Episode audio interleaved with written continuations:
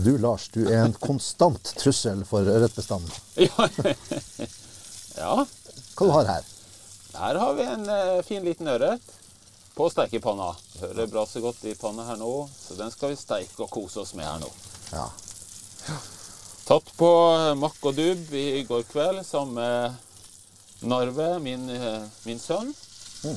i, eh, på et fint lite vannrett eh, ikke langt hjemmefra.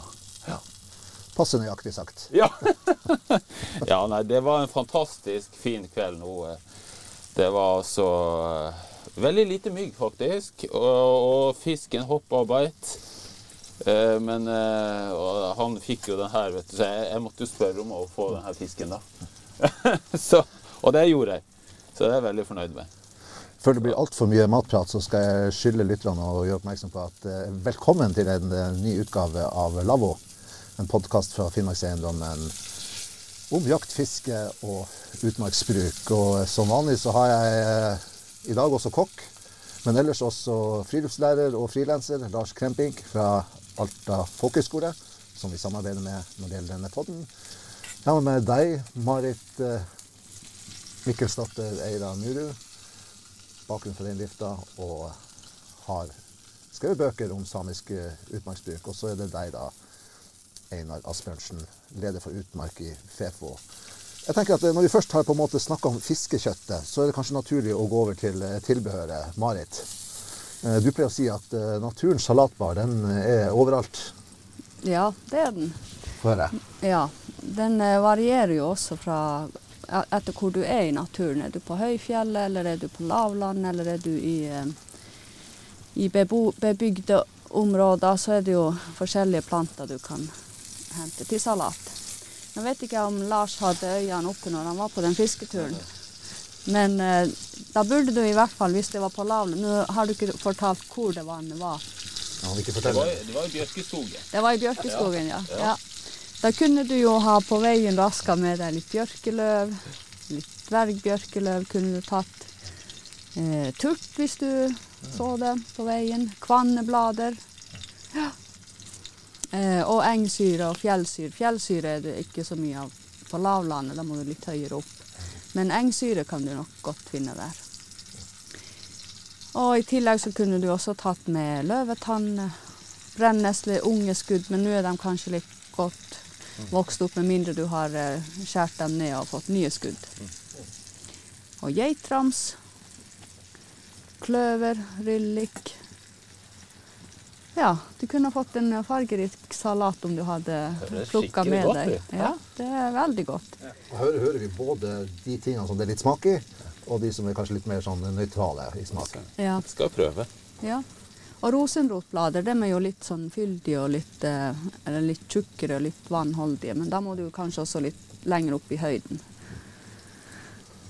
Så der kunne du fått med deg mye godt. Ja. Og tenk hvis det hadde vært litt lenger ute i juli, så hadde du kunnet ha litt bær og krydder med i tillegg. Oh, Mm. oi, oi, oi. desserten var klar. ja. Det er ingen tvil om at det er nok å hente fra naturens spiskammers eh, når det gjelder mat. Eh, og eh, juli er jo eh, det du Einar til å kalle for folkefiskemåneden. Hvorfor? Det er den måneden hvor det er mest aktivitet på fiske etter innlandsfisk, som ørreten i Finnmark. Og da er det både vi som bor i fylket og en god del tilreisende som er ute og, og prøver å få tak i ørret og røye. Og, eh, særlig ørreten er den eh, fisken som står i fokus om sommeren. Vi har tidligere snakka om eh, røye som en mer aktiv fisk om vinteren og den mest populære fisken da. Tilsvarende så er ørreten den mest populære fisken å fange om sommeren. Så det er ikke uten grunn. For eh, ørreten eh, som freser i panna her, den er Norges mest utbredte ferskvannsfisk. Og det skyldes to grunner. For det første er den veldig tilpasningsdyktig. Det er en hardfør art som tåler eh, godt å være i de aller mest høye, høytliggende fjellvannene. Veldig næringsfattig, og også tåler den eh, ganske godt å være i mer næringsrike vann. Så vi finner den overalt i Norge. Og i tillegg, der den ikke har klart å komme sjøl, så har eh, folk fra gammelt av vært veldig ivrige å bære ørreten rundt omkring og flytte den til nye vann. Slik at den fins i praksis over, over, hele Norge i dag. Og så er den en art som viser stor tilpasningsdyktighet. Altså vi finner ørret i små bekker i form av små bekkeørreter som aldri blir større enn 15-20 cm. Og så finner vi ørreter som lever nesten som en sjøørret i store innsjøer. Og sjøørreten er jo også en, en ørret. Ja.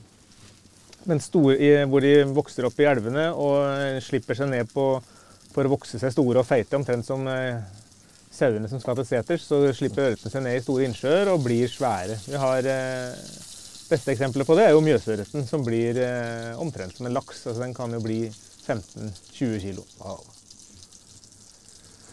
Hvordan er det når man kommer til et vann? Hvordan kan man liksom se ja, Nå ser vi bort fra at det er helt stille, at du ikke ser vak og sånn, men hvordan kan man liksom se hvor fisken står? Og ikke minst om det er mye bra med fisk der. Ja, det er jo et uh, veldig godt spørsmål, da. Uh, som man uh, ofte må prøve seg litt fram. Men klassiske plasser som kan være gode, det er utløpsos og innløpsos der det er litt strøm. Der det er litt strøm, så vil det føre til at insekter og annen mat vil liksom komme inn eh, som et matfat til fisken. og Da er det lett at fisken stiller seg opp der eller oppsøker de plassene.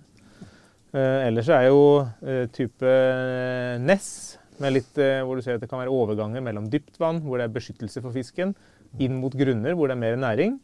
Det kan være gode fiskeområder. altså de overgangene der, og Ness gir også ofte strøm. Og så er det én ting, og det er eh, man skal legge merke til når man kommer til et vann, og det er hvilken vindretning det har.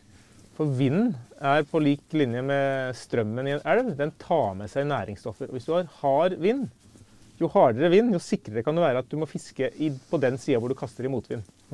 For på den sida der kommer alle næringsdyrene til, og da står fisken, og den kan stå kloss i land. Mm.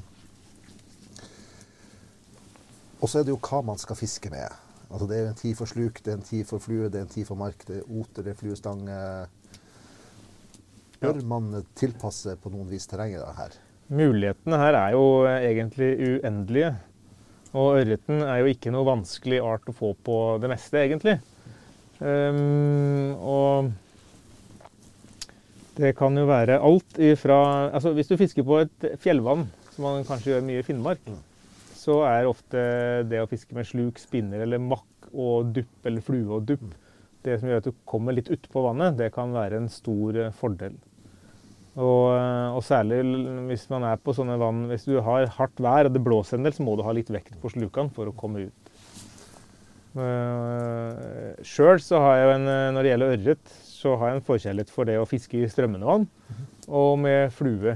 Uh, og, da er, men da er det jo inne i en litt annen verden, og da er det med å vente på de gode forholdene en stor del av fiskinga det å sitte og observere og vente på det vaket som du snakket om som vi ikke skulle se etter, men vente at når det kommer. Og når det kommer, da kan du fiske på den, og kanskje du er heldig å få den på i løpet av noen få kast.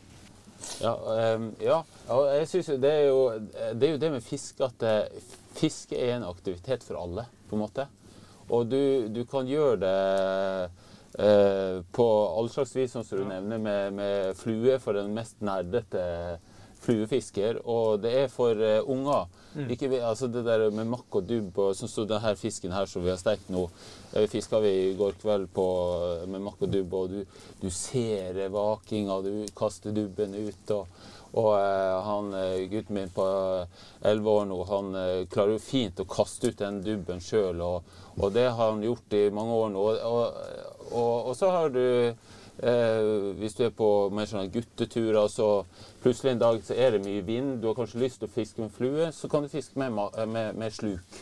Eh, og, og, så kan du prøve litt ulike Du kan prøve litt høyt, litt lavt. og det, det er sånn, litt sånn univers eh, på veldig mange nivåer da, på en måte, eh, når det gjelder fiske etter ørret. Finnmarkseiendommen har jo 60 000 fiskevann fullt mulig å ha sine hemmelige vann. Vi hører Lars her, han drar på det hver gang vi begynner å snakke om hvor han får fangstene sine. Men, men, hvordan er det sånn i et sånt forvaltningsperspektiv? Det er jo et, eh, kan være et dilemma. Det er klart eh, En del av de her eh, hemmelige vannene rundt omkring er små og har kanskje veldig små bestander av storvokst fisk. Og sånn sett veldig sårbare. Men vi ser jo det at eh, vi har hele tida spørsmålet om om vi skal eh, på en måte promotere populære fiskeområder. Fiskeområder blir jo populære fordi de er gode. Og så har vi problemstillingen om hvorvidt vi skal på en måte ved å gjøre forvaltningsgrep også gjøre fiskeområder mer synlige. Og, og det, vi, har, vi prøver ut det nå i, i Kautokeino. I Kautokeino-elva og Masiokka og Lappojoka. Der er det eget fiskekort og egne fiskesoner hvor det skal rapporteres på. Og På den måten så er vi bedre i stand til å gjøre en, ha en aktiv forvaltning. Og Samtidig så eh, erkjenner vi jo det at det øyeblikket vi selger et eget fiskekort for Kautokeino-elva, Masijoka og Lappojoka, så vil de tre elvene også bli mer kjent på folkemunne. Og kanskje føre til at enda flere vil reise dit. Og det er et dilemma vi, vi har. Eh, jeg har litt morsom historie fra et hemmelig vann. Kjør på. kjør på. Jeg, det, jeg kan jo advare mot litt sterke scener, men, men det, eh, det var Jeg har jo bodd i Alta siden eh, tidlig 90-tallet, og, og eh, en av mine første jobber eh, i Alta, det var å registrere jerv for eh, Fylkesmannen. Fantastisk jobb. Det var, jeg var jo i 20-åra sjøl da, og jeg farta rundt eh, høyt og lavt eh, på våren. Og så kom jeg inn i et fjellområde der det, skulle, der det var sett i jervespor. Og jeg husker jeg hadde jo jeg kjørte scooter inn da, og så gikk jeg på ski ut derifra. Og på det vannet som jeg slo meg til på, der, eh, der satt det litt snik. Og så var jeg ute og, og fant faktisk en jervehi, og så jeg var jo helt i hundre for det. Eh, Men så, når jeg kom tilbake, jeg hadde vel satt ut eh, fem snik, og tre av stikkene var borte. Og på den siste så var det en kjempefin, blank, fin ørret. Og jeg tenkte det her skal jeg tilbake. Og så, eh, på den turen, så, så kom jeg da tilbake til Alta. Jeg hadde den gang veldig mye kontakt med en som heter Jens Halvorsrud. Han jobba i eh, fjelltjenesten. Og, og var en ihuga altså, Han var naturens mann. Eh, han, eh, og ikke minst var han veldig ivrig på rovdyr og fisking. Så eh, vi snakka mest om det her jervehiet jeg fant. Men så i, skulle akkurat det å gå ut døra, så sa jeg til han at du forresten, det der vannet der, det tror jeg må være kjempefin fisk på. Og da stivna han helt i blikket der. Og, og jeg så at det her var noe spesielt. Og han banna jo fælt, han Jens. da. Han var et frodig språk, for å si det sånn. Og så sa han Fy faen, Lars. Fy faen! Det der er beste vannet i hele Finnmark. Og det var så lite, knøttlite vann som du og jeg har snakka om. Eh, og, og så sa han også det når jeg skulle gå ut av, av kontoret hans der. Altså, sier du det der til noen, så skjærer jeg av deg balla. sa han. Og så og etter det, da, så det var jo veldig lett å navngi det vannet, for det ble jo eh, balljavre. Eh, og sommeren etter så var jeg opp, og risikerte litt eh, baller, for da var faktisk en kompis med. Og så kom vi opp til det vannet, for jeg skulle jo primært inn til, eh, inn til jervehiet for å sjekke om det var sånn hvit eh, ungepels fra, fra unger som hadde blitt født i hiet. Og så begynte vi å fiske i det vannet. Det var liksom egentlig hoved på eh, høydepunktet på turen. Og der går en sånn der Vi ser at det er en svær fisk som går og beiter på marflo, tydeligvis. da. På en sånn, eh, sånn marbakke. Går rett ut forbi der, godt innafor rekkevidde med å kaste med sluk. Og, eh, og vi tar litt sånn stein, saks, papir, hvem skal fiske først. Og han kompisen min, Bjørn, han får fiske først. Og han bruker akkurat den sluken jeg sjøl hadde lyst til å fiske med. Lilleauren, kobber, eh, 12 gram. Og han kaster fem kast, får ingenting. Og så endelig er det min tur.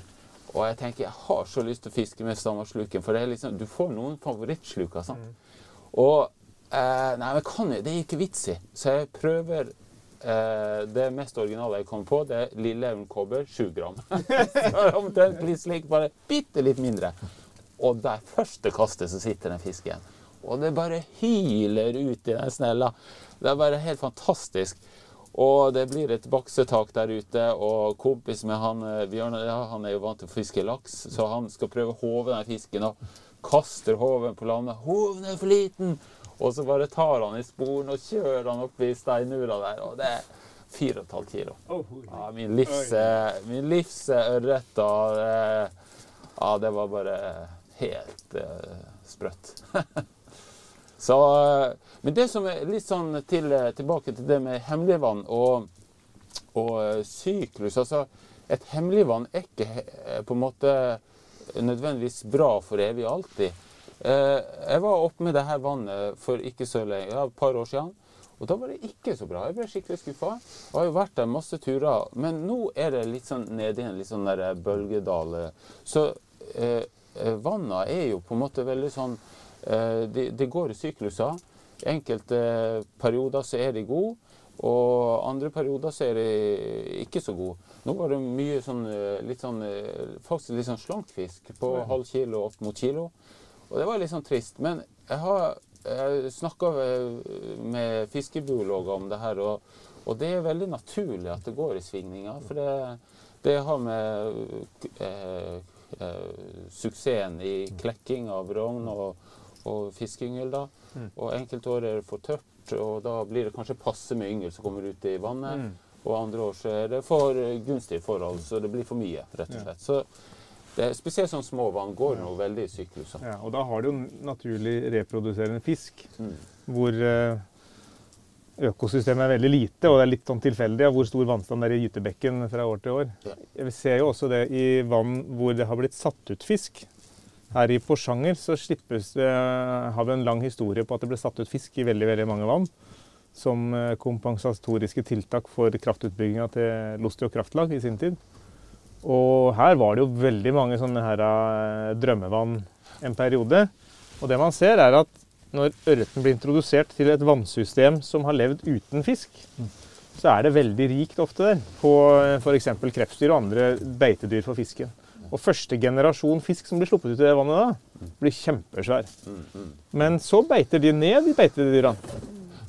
Og neste generasjon du slipper ut, eller etter hvert som tida går, så, så er ikke mattilgangen like god, fordi eh, vannsystemet var i utgangspunktet ikke tilpassa de eh, ørretene. Så det, det også når man slipper ut fisk, kan gå i absolutt både opp og ned. Det slår meg ofte når vi begynner å snakke om eh, fiske, så snakker vi om, også om fiskeutstyr. Eh, men her, går det an å rett og slett keep it simple. Marit, du klarer deg med en boks.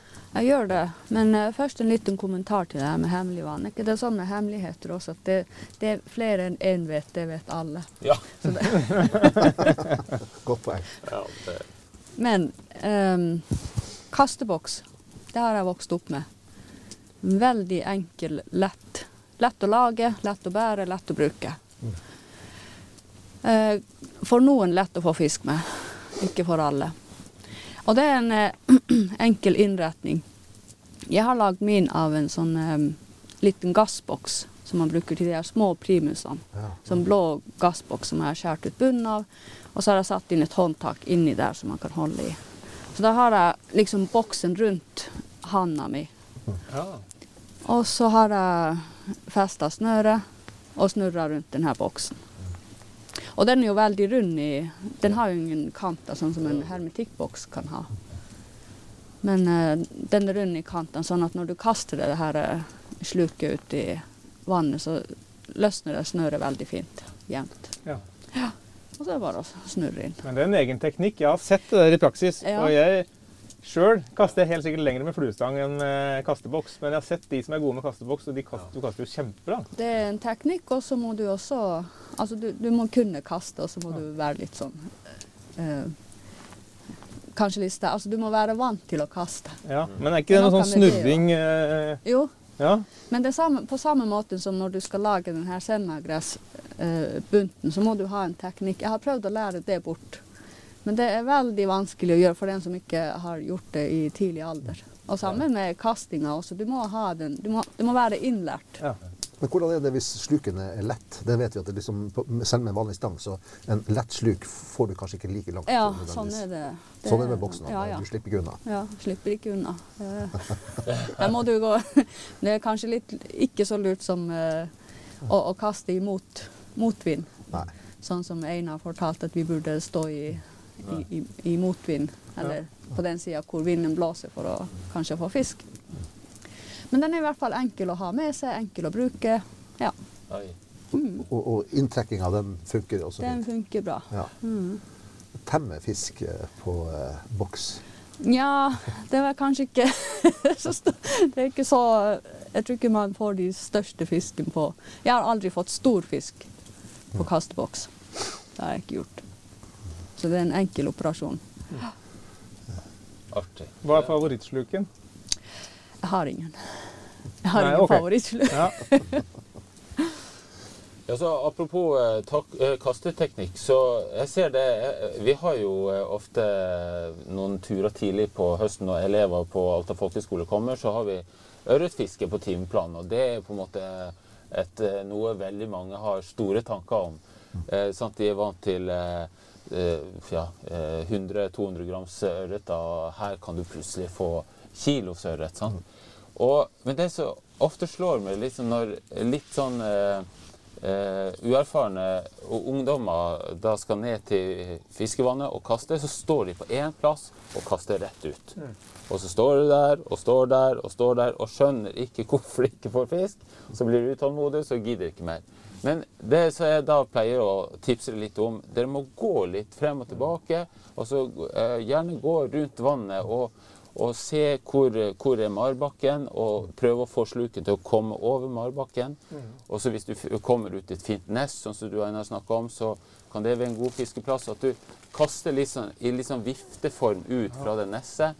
Og kanskje prøve å få sluken til å øh, synke helt ned på bunnen. Og det er jo litt risky i forhold til å sitte fast.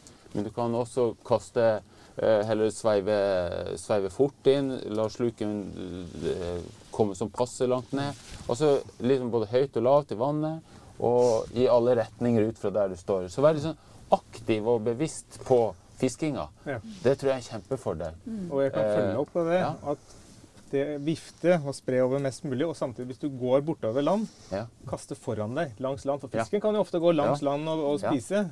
Men hvis du går der, så er det lett å forstyrre den. Så hvis Ja. sluken har vært der før du kommer dit, Ja.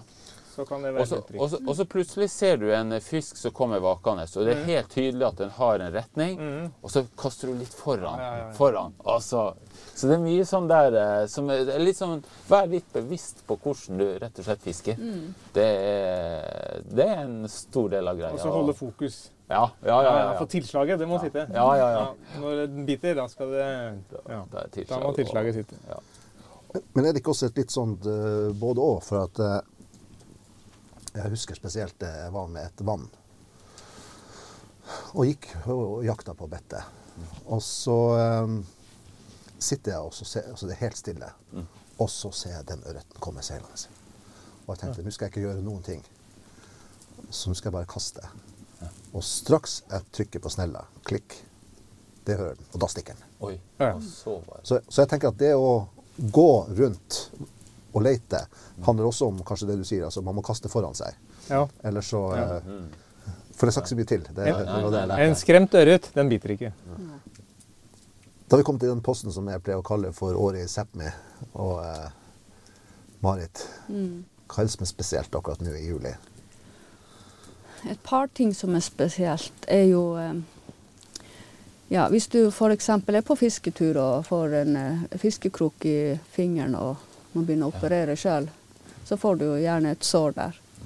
Da har du jo flere ting du kan bruke som plaster. Du har jo Bjørkeblader kan du jo bruke som plaster. Det er jo veldig um, Altså bjørka, hele bjørka er jo veldig medisinsk for mennesker. Den har jo flere egenskaper. Og hvis det um, Nå er det kanskje litt seint, men tidligere på året, når neven løsner veldig lett, så finner du jo også plaster under, innerst mot barken. Altså fast i neven. En veldig sånn tynn hinne. Den er ikke på alle trær, men den finnes gjerne på hvite bjørk. Bjørk som har hvit never. Så den, den fester seg veldig lett på fingeren også. Så den kan du bruke som plaster.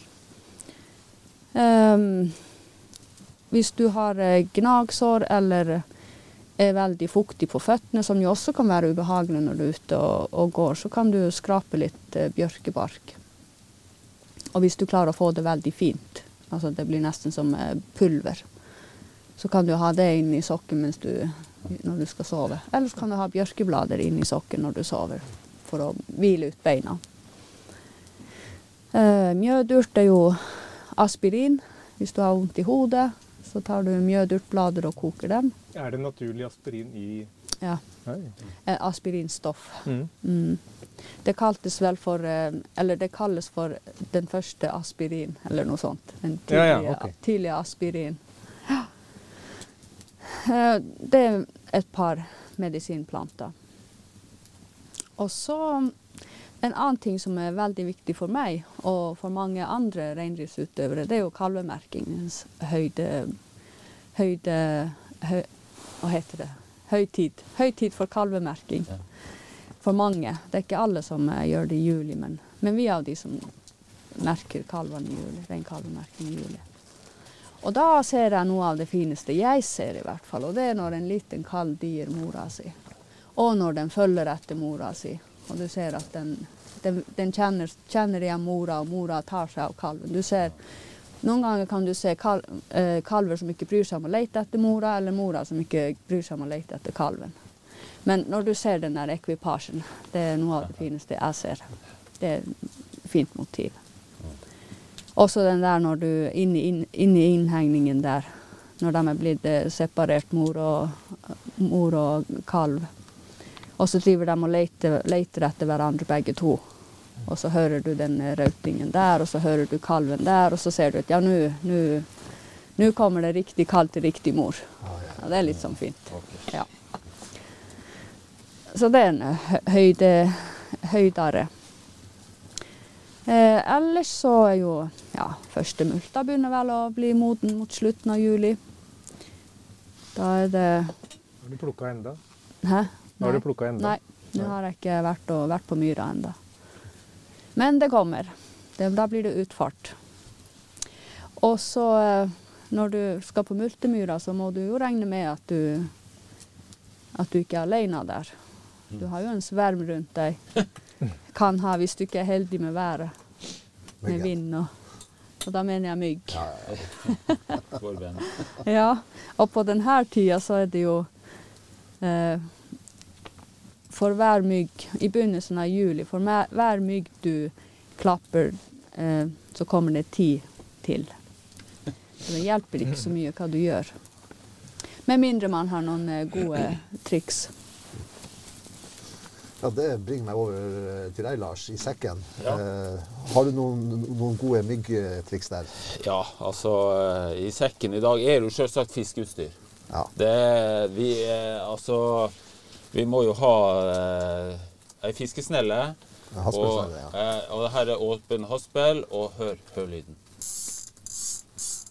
Musikk. Det er altså musikk. Det er sånn vi liker det. Så det går du litt glipp av med den boksen. Men, eh, men eh, jeg skjønner der fiskeboksen. Det, det skal jeg prøve. Altså. Det høres eh, skikkelig gøy ut. Eh, og så har vi jo eh, slukboks. Eh, rikholdig utvalg av sluker. Det Lilleauren 7 gram du har? Ja, det er flere stykk hvis du setter fast og mister sluken. Så, ja, ja. Å kikke opp i en slukboks er som å nesten kikke inn i livet ditt. Det er liksom privat, altså. Det, det er Det er ditt smykkeskrin. ja, det er mitt smykkeskrin. Det er blitt eh, skikkelig litt sånn private, litt sånn småhemmelig.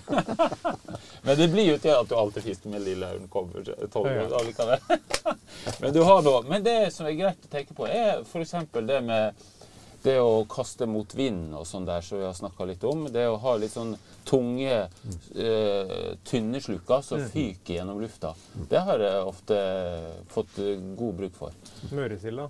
Møresilda. Og eh, ja, den er kjempefin. Det er min favoritt. Ja.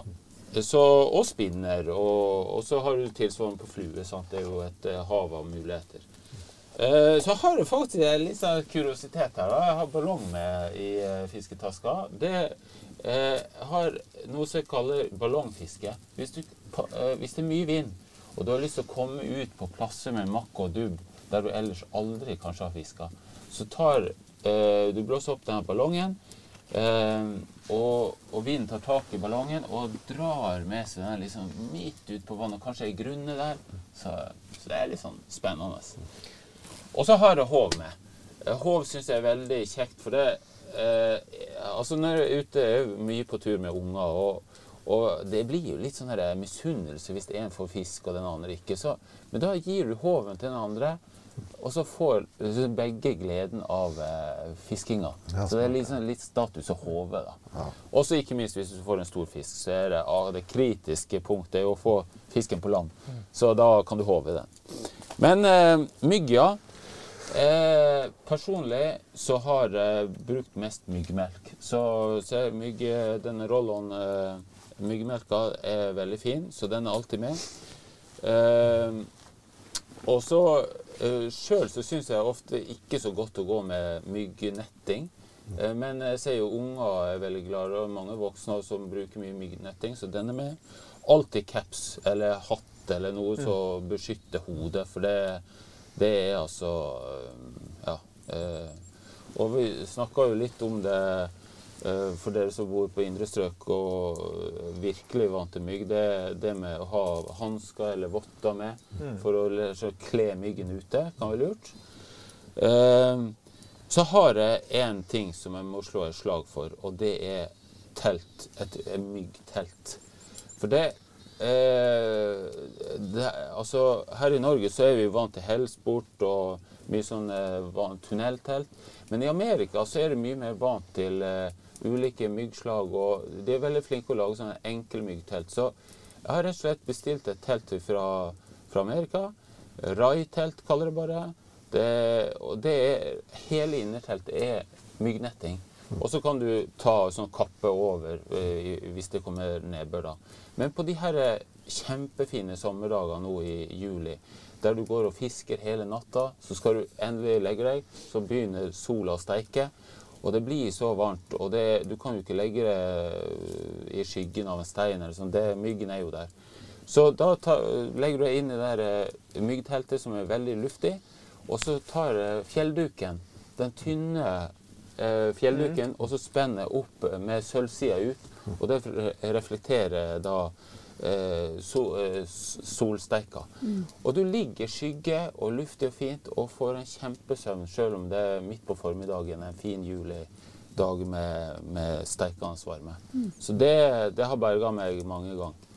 Så der har dere sikkert en annen variant. Eh, Nei, den varianten går vel ut på at de, de, Men da må du jo ha enten trær, eller så er du inne i en lav, og så Ja. bruker du rakas. Rakas er jo noe vi har brukt mye. ja. Og forklare hva rakas er. Rakas er en, en liten, eh, et lite telt, kan du si.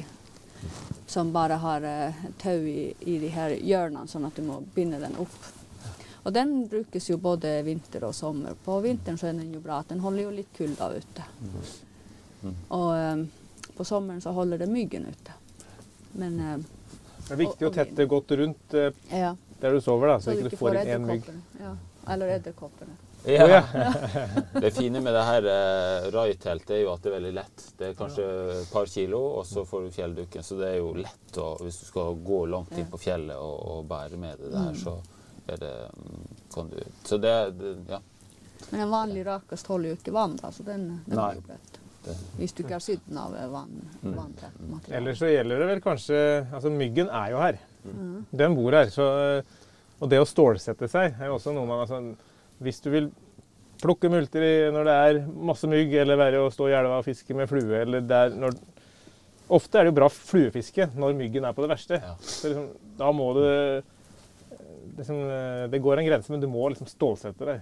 Det tenker jeg. Det blir, Tåle- du må tåle. Du må bli venn med kulda, og du må bli venn med myggen. Det er på en måte litt sånn. Ja. Myggen er jo ja, både til glede og besvær. For besvær for oss mennesker, men den, har jo, den hjelper jo også eh, menneskene, i hvert fall de som er i reindrifta. For myggen samler jo reinen. Så Ja. før kalvemerkingen så finner du gjerne flokken litt samla, eller du finner flokkene samla. Altså den, den jager dem i sammen. Mm. Det slår meg at uh, hvis vi ikke setter oss ned og spiser nå, Ja. så blir det svidd ørret. ja. Uh, kan du nevne deg at det er Får du en ørret, ta og sprett opp magen på den og se i magesekken hva den har spist. Da kan du få litt eh, svar på hva slags uh, flue du bør bruke. Og så sier vi på gjenhør om en måned. Det er bare fint hvis du har lyst til å abonnere på oss. Eh, ta gjerne og gjør det. Del oss gjerne i sosiale medier. Der fikk jeg litt fisk òg. Det var god Ja, nydelig. Og skriv gjerne en anmeldelse hvis du likte det du hørte, og ikke minst lik oss på Facebook og Instagram. Da er det takk og farvel her fra Finnmarkseiendommen. Rik på natur, kultur og tur. Ha det bra. Og skitt fiske. ja, ha det. Eller Tervan.